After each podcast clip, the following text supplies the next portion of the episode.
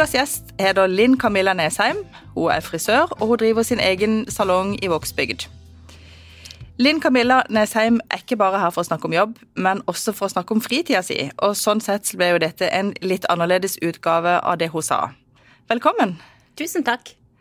Jeg håper at de som hører på, blir litt inspirert, og at det er flere som tør å utfordre seg sjøl litt etter at de har hørt denne episoden.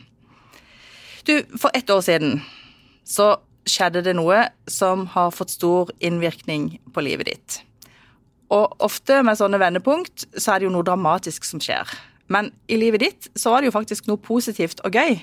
Ja. Hva skjedde for et år siden? Vet du hva, jeg var ute på tur eh, sammen med naboen min eh, i skauen. Vi gikk og prata og koste oss, og så fortalte hun meg at hun hadde kjøpt hengekøyer til ungene til jul. Og jeg hadde hørt snakk om litt sånn hengekøyegreier. Eh, så jeg ble litt gira, så jeg sa til henne at det må vi ut og prøve. Det var påska i fjor. Vi hadde fri dagen etterpå. Eh, og hun ble litt sånn ja, hun visste ikke helt, men jeg overtalte henne. Og vi dro hjem. Fant det vi hadde i skuffer og skap. Jeg fant en gammel sovepose fra konfirmasjonen. Og jeg googla litt og youtuba litt etter hvordan man skulle henge opp ei hengekøye. Og så dro vi ut. Og jeg ble hekta, men hun ble ikke. Og etter det så har det blitt mange turer. For du bestemte deg rett og slett for at dette var noe du ville gjøre mer av? Ja, jeg gikk hjem og uh, søkte på nett og bestilte hengekøyer. Og uh, i det hele tatt ganske mye forskjellig utstyr. Uh, og ville prøve meg. Og så skjønte jeg at du forsøkte i starten å få med deg mannen din og sønnen din på 15 år. Men den første turen der med de, den ble ikke sånn kjempevellykka sånn sett med familiebriller på. Nei, han er tolv. Han er tolv, ja, ok. Ja. Men, men, ja, nei, det gikk ikke helt fint. Vi var egentlig kommet Vi var ikke kommet så langt ut i skauen eh, hvorpå han gutten min, som har et handikap, eh, slo seg litt vrang og ville hjem igjen. Eh, jeg som var supergira, syntes jo det var en skikkelig nedtur, så jeg var litt småsur når vi kom hjem. Så jeg ja, jeg, jeg surmula litt på kjøkkenet, så mannen min sa det at du, kanskje du bare skal ta deg en tur ut alene. Og det gjorde jeg. Eh, og jeg hadde min første natt alene i hengekøye. Bare noen uker etter første heng med hovedvenninna mi. Men du, det å sove ute i skogen alene i mørket Åssen ja. er det? Nei, det var litt skummelt. Men jeg, jeg, er nok litt sta. Så når jeg først har bestemt meg for noe, så vil jeg veldig gjerne gjennomføre det. Så jeg tenkte at uh, når jeg gikk alene innover der, at uh, dette skal jeg bare klare. Jeg var jo jeg var litt lei meg og litt sinna og litt alt i forhold til hva som hadde skjedd tidligere på dagen. Så jeg var nok ekstra gira. Men så var du òg litt mørkredd? Ikke bare litt. Jeg var ganske mørkredd, ja. så det jeg bestemte meg for, det var å henge opp hengekøya. Eh, kose meg med noe mat og chips og forskjellig brus som jeg hadde med meg. Og akkurat idet det mørkna, så krøp jeg ned i soveposen. Jeg tente en fakkel, og jeg bestemte meg for at eh, når det begynner å bli mørkt, så skal jeg lukke øynene, og de skal ikke åpne før jeg hører fuglene kvidre. Greide du det? Eh, nesten. Fordi at det, det, var ikke så veldig lenge etter at jeg hadde eh, lagt meg til, så hørte jeg en veldig rar lyd. Eh, og jeg var litt usikker på hva det var. Eh, men eh, etter hvert så kom jeg på at det bor jo en bever i det vannet. Som fikk navnet Beverly. Hun var nattarbeider og dreiv og gnagde. Eh, når jeg bare fant ut at det var hun, så, så lukka jeg øynene igjen. Og da du greide å sove litt òg, eller? Litt. Bitte litt. Det ble noen timer. Jeg var trøtt når jeg våkna klokka seks, men, men, jeg var dødsfornøyd. Ja, for jeg ble litt nysgjerrig på den følelsen som du hadde da, når du faktisk hadde sovet litt grann da, og våkna, og hadde gjennomført. Kan ikke du prøve å beskrive det for meg? Åh, oh, vet du hva? Jeg var en halvmeter høyere enn jeg var når jeg la meg. Jeg var så sykt stolt og fornøyd over det jeg hadde gjort. Jeg vet at det var mange hjemme som var bekymra. Naboen min, f.eks., og mannen og guttungen og tante var litt bekymra for åssen dette skulle gå. Jeg var bare så sykt stolt. Men du, den der mestringsfølelsen som du kjente da, mm. Eh, har den lært deg noe, eller har du kunnet bruke den til noe eh, som ikke bare handler om hengekøyeliv? Absolutt. Eh, det har jo gitt meg eh, mod og styrke og en større selvtillit eh, til å jeg, Kan jeg si at det er å kjempe for det jeg tror på, eller for noe jeg vil ha igjennom? Ja. Og jeg regner med at eh, mannen din og sønnen din og naboen og de som hørte, de, de var vel òg litt stolte, var det ikke det? Ja, de var det. Det var ikke så mange egentlig som trodde at jeg skulle gjøre det. For jeg har jo egentlig vært ei jente som ikke har turt å gå i skauen alene. Eh, jeg snur når jeg har gått fem minutter inn i skauen, eh, for jeg er mørkredd, jeg er skogredd. Eller jeg var. Nå er jeg ikke det. Fordi at jeg har funnet en egen ro der inne. Du, du beskriver at du uh, finner en egen ro når du er i skogen. Men for alle de som aldri har prøvd å sove i skogen, eller sove under åpen himmel, kan ikke du prøve å ta oss med inn litt der? Hva, hva, hører du, og hva lukter du, og hva tenker du? Altså, Hvordan er det å ligge i skogen sånn under stjernehimmelen? Åh, oh, vet du hva, det er magisk. Eh, bare det å komme inn i skauen og høre fuglene, eh, lukte alle slags trær. Lyng, blomster, eh, granbar. Det er ganske beroligende, i hvert fall for meg. Eh, det å kunne gå på en sti eh, Litt usikker på hvor jeg havner. det er jo ei spenning i seg sjøl. Eh, det å legge seg på kvelden Det er utrolig hva som skjer i løpet av en sånn en kveld, egentlig. For at uh, ifra å se alt som skjer rundt deg, til å føle Altså Når du lukker øynene, eller når mørket faller på, så er det de andre sansene som tar over. Og alt høres så mye mer tydelig. Du hører den ugla, ikke sant. Du hører kanskje den musa som tasler forbi. Uh, det er noe eget. Det er noe spesielt. Og når du sier det med den ugla, så tenker jeg på den første natta jeg hadde ute, faktisk. Sånn i nær skog, hvor vi hadde med et par hunder. Og de som stokk aller mest når den ugla plutselig kom med et sånn uhu, det var jo bikkjene. Og da var jo plutselig var jo alle en halvmeter over. jeg var litt redd den ene kvelden jeg var ute, for da trodde jeg nesten det var en ulv. Men jeg skjønte jo etter hvert at det var ei ugle. Det er greit å høre forskjell på de to. Ja, det er litt greit. Men det er en fin lyd. En lærer det etter hvert. Ja. Du, når du er frisør og jobber i en salong, altså du driver jo salongen selv, mm. Eh, og dine kunder de består av eldre mennesker, for det er jo på et, et omsorgssenter? Stemmer, det er på et uh, omsorgssenter i Vågsbygd, som er et uh, kombinert seniorsenter og omsorgssenter, hvor det er beboere som er demente, og psykiatripasienter og. Hva, forteller du når du kommer på jobb etter en natt ute i skogen? Eh, jeg er jo ganske gira, for jeg koser meg så sykt når jeg er på tur. Eh, så mange av de faste kundene mine kjenner jo til dette som jeg har begynt med, så de er jo veldig nysgjerrige. Og 'har du hengt noe mer siden sist?' Og jeg forteller jo villig vekk de gøyale turene jeg har. Og så forteller de litt om sine opplevelser med friluftsliv også? Absolutt, eh, det gjør de. Eh, de kan fortelle om fine steder de har vært på, som jeg får lyst til å teste ut. Og ja. Så det har egentlig blitt en fin ting å ta med inn på jobb, rett og slett? Kjempefint. Spesielt i denne koronatida hvor vi egentlig ikke kommer oss så mye ut.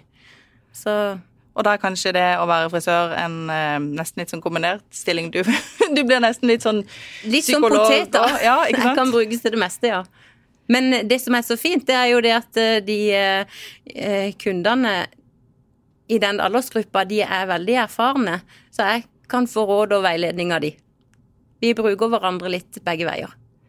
Men det å være frisør, det forbinder jeg med å være veldig sånn fin på håret, og man har gjerne lange negler og nylakkerte negler, og da er man litt sånn opptatt av utseendet og det å på en måte ta seg bra ut. Ja. Det er viktig, ikke sant? Ja. Kontrasten er ganske stor mellom å sove ute i skauen hvor man ikke får kanskje vaska seg ordentlig, og ja det, kontrasten er stor derfra er til digg. å stå inne i en salong. Ja, ja det er si litt om, det. Si det, om det. Altså, det er jo deilig å bare flette håret før jeg går ut og ikke tenker noe mer på det. Sette på seg en caps. Eh, hive av seg sminka. Og jeg klipper alltid neglene før jeg går på tur. ikke at de blir så lange av å stå i, i vann hele dagen, men, men uh, det er liksom bare det å, å, å, nyte. Det er en egen frihet. Du trenger ikke å tenke, det er jo ikke et eneste speil der ute. Annet enn speilbildet. I vannet, kanskje. Noe av det jeg syns er litt godt med å være i skogen, er jo at det tar vekk eh, tankene litt fra jobb. Kanskje ting jeg går og bekymrer meg for, ting jeg går og planlegger, noe jeg skal levere på, som jeg kan bli veldig opptatt av når jeg er hjemme. Men med en gang jeg kommer ut i skogen, så blir jeg opptatt av sånne praktiske ting. Finne mm. ved, ikke sant. Hvor, hvor er det le? Ja. Eh, hvor er det best å slå opp teltet? Eller hvor ja. finnes det to trær som passer i, i, avstand? Så for meg er det en måte å, å, koble veldig godt av på, og lade batterien litt sånn i forhold til jobb. Åssen syns du det er når du er ute i skogen? der? Hva er det du går og tenker på da? Eh, da tenker jeg egentlig på å nyte, fordi at eh, den hverdagen hjemme kan til tider være litt tøff. Så jeg er litt opptatt av at når jeg er ute, så er det litt sånn eh, me, myself and I-time, kanskje. Eh, er litt eh, opptatt av å gjøre det enkelt når jeg er ute. Jeg forbereder så mye som jeg kan hjemme i forhold til mat. Eh, pakker med meg det tøyet jeg trenger, ikke sant. Og, og gjør det så enkelt som mulig når jeg er ute, for å nyte eh, alenetida, egentlig. Og jeg kobler veldig av der ute.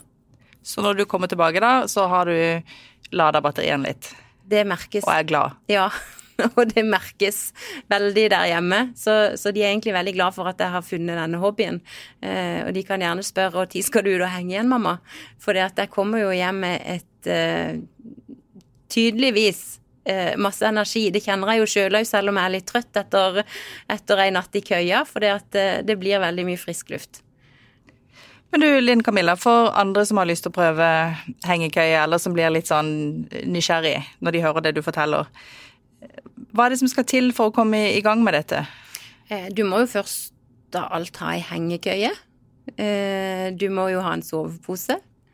Du må ha et liggeunderlag, kanskje ei hodelykt, eh, en sekk, noe god mat gjerne For meg så handler det egentlig bare om å ha med meg noe real turmat eller en boks med spagetti rimini eller pølser og potetstappe.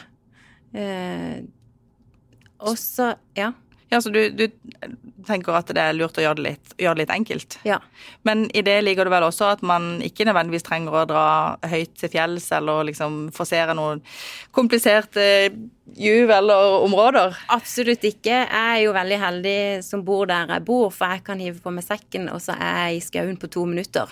Eh, noen ganger sover jeg 20 minutter hjemmefra, og andre ganger så kan jeg gå i en time eller halvannen.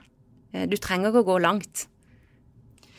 Du, jeg vet at For deg har dette ikke bare vært en, på en, måte, en oppvåkning i forhold til det med, med friluftsliv, sånn rent interessemessig. For det har også en, eh, en, helsemessig dimensjon, og det har vært en del, eller det er en del av en større, en større endring i livet ditt. En livsstilsendring, hvis jeg kan si det sånn. Ja, det stemmer. For eh, når jeg var 39, så fikk jeg beskjed av legen min om at jeg hadde litt høyt blodtrykk. Og om jeg kunne klare å gå ned noen kilo, så var det fint. Eh, og da blir det som å sette, en rakett i fua mi. Jeg gikk hjem og sa nå skal jeg begynne å trene to dager i uka. Ikke noe sånn voldsomt greie, jeg skulle bare gå en tur. Eh, og det gjorde jeg i et halvt år, hvorpå jeg etter hvert klarte å ta meg åtte kilo. Og skjønte at det måtte litt mer til enn bare å gå og trene. Så jeg la om kostholdet eh, og tok av meg 25 kilo. 25 kilo. Ja. Det må merkes godt i den jobben du har hvor du står mye, f.eks. Det gjør det. Det har jo tatt vekk litt eh, vondter. Nakke og skuldre har blitt bedre. Eh, beina er blitt bedre. Så det har absolutt en helsemessig gevinst. Og blodtrykket er helt fint. og så fortalte du meg at du og mannen din der gjorde en liten avtale, for begge to hadde lyst til å, å gå litt og, og trimme litt ekstra. Hva, mm. hva var det dere gjorde?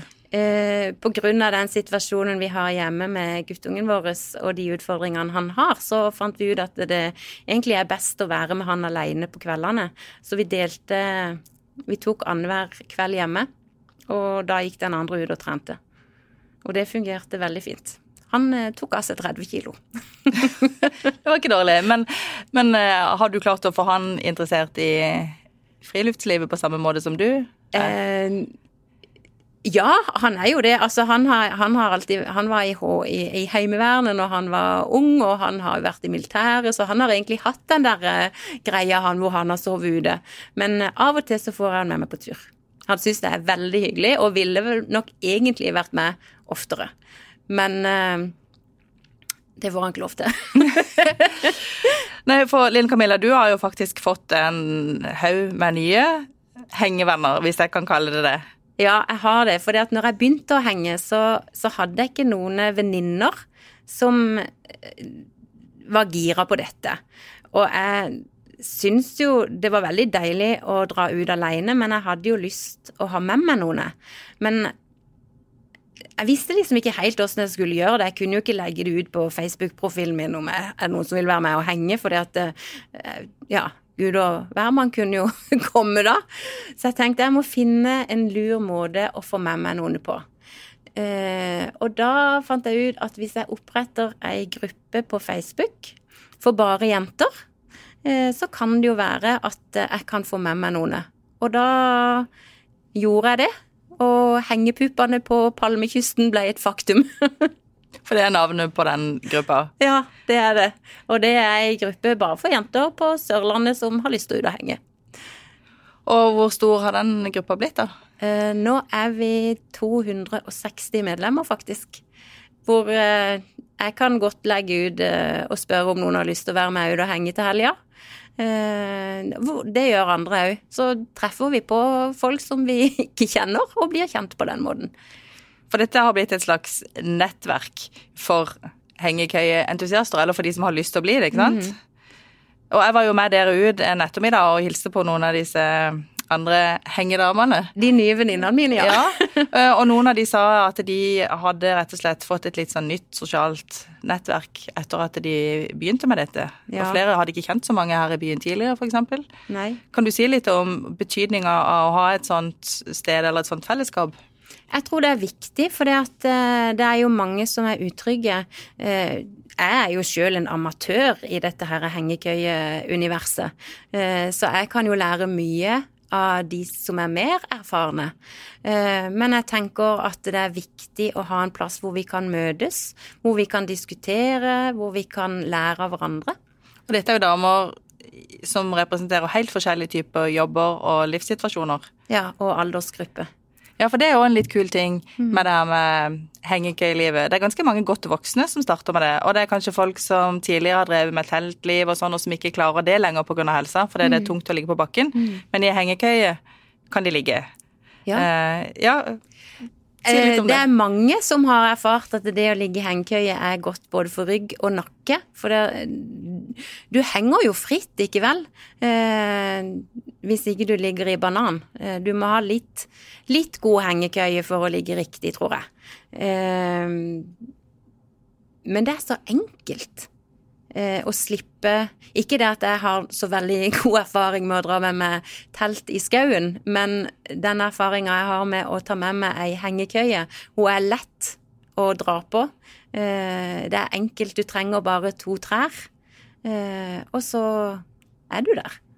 Det er enkelt, og du kan klare det med en hengekøye som ikke er kjempeavansert. Men så ja. syns du det er litt gøy med litt avanserte. Du nerder litt på det med hengekøye, gjør du ikke det? En smule.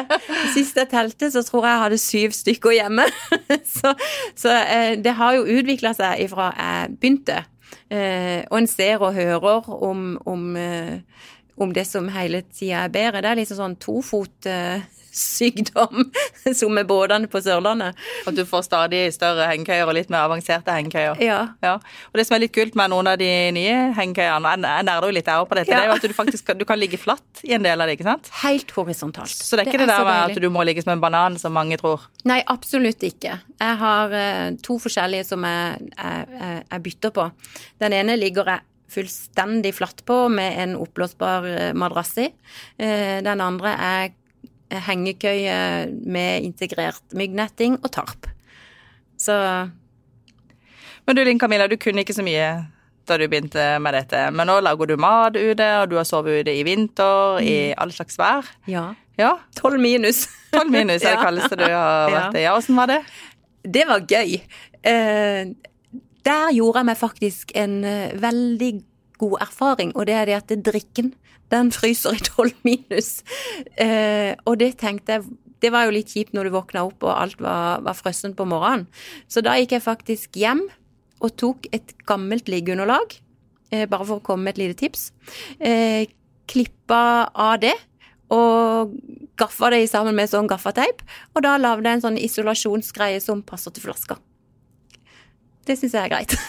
Du har lært ganske mange sånne tips gjennom det året, har du ikke det? Jo, jeg har det.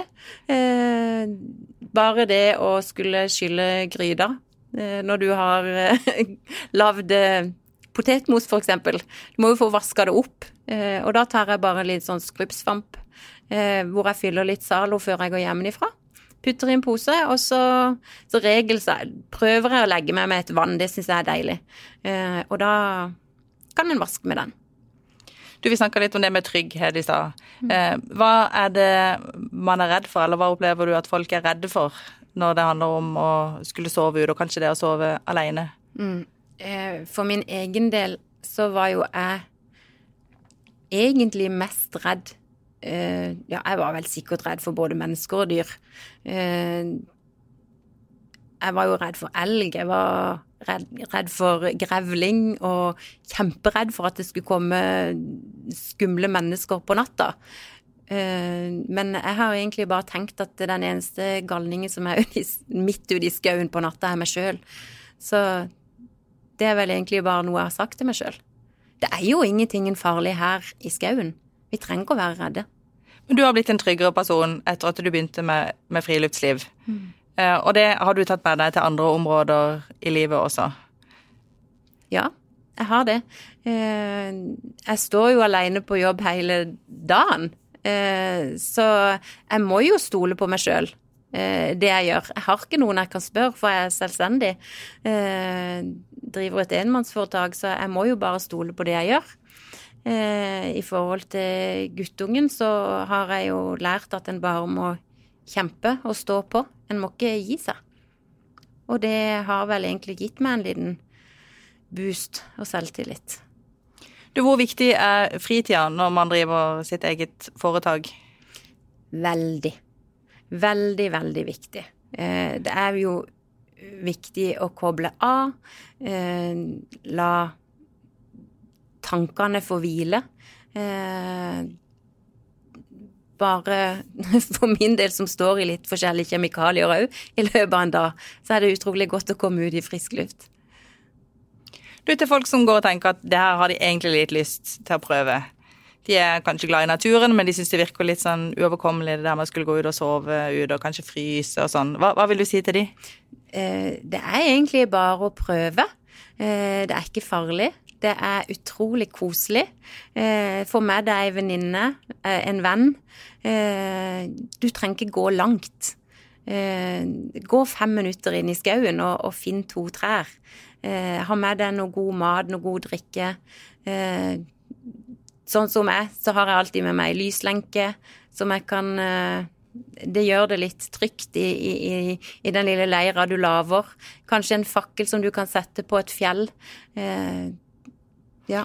Du snakker nå om, om kos og ta med fakler, eh, lyslenke.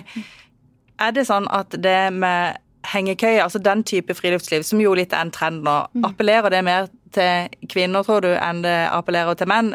Og også appellerer det mer til oss damer, da? Er det kanskje det tradisjonelle friluftslivet, som er litt mer sånn eh, Skulle være litt sånn tøff og ut og ja.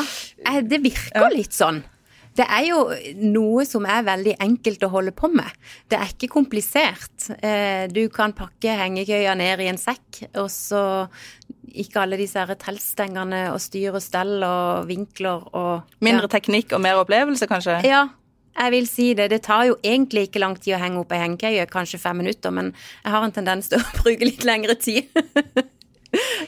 Du, Vi har en, en fast post i denne podkasten der man får lov til å fremsnakke noen som har vært viktige.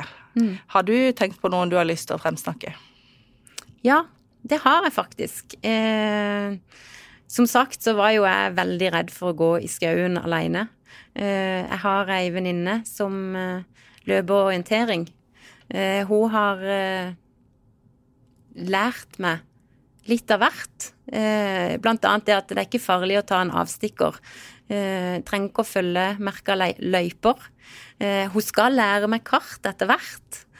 Hun er et utrolig positivt og sprudlende menneske som gir meg enormt med energi. Og òg kanskje litt av den selvtilliten som jeg har fått det siste året. Og da må du si hva hun heter? Hun heter Linka. Hun heter Linka.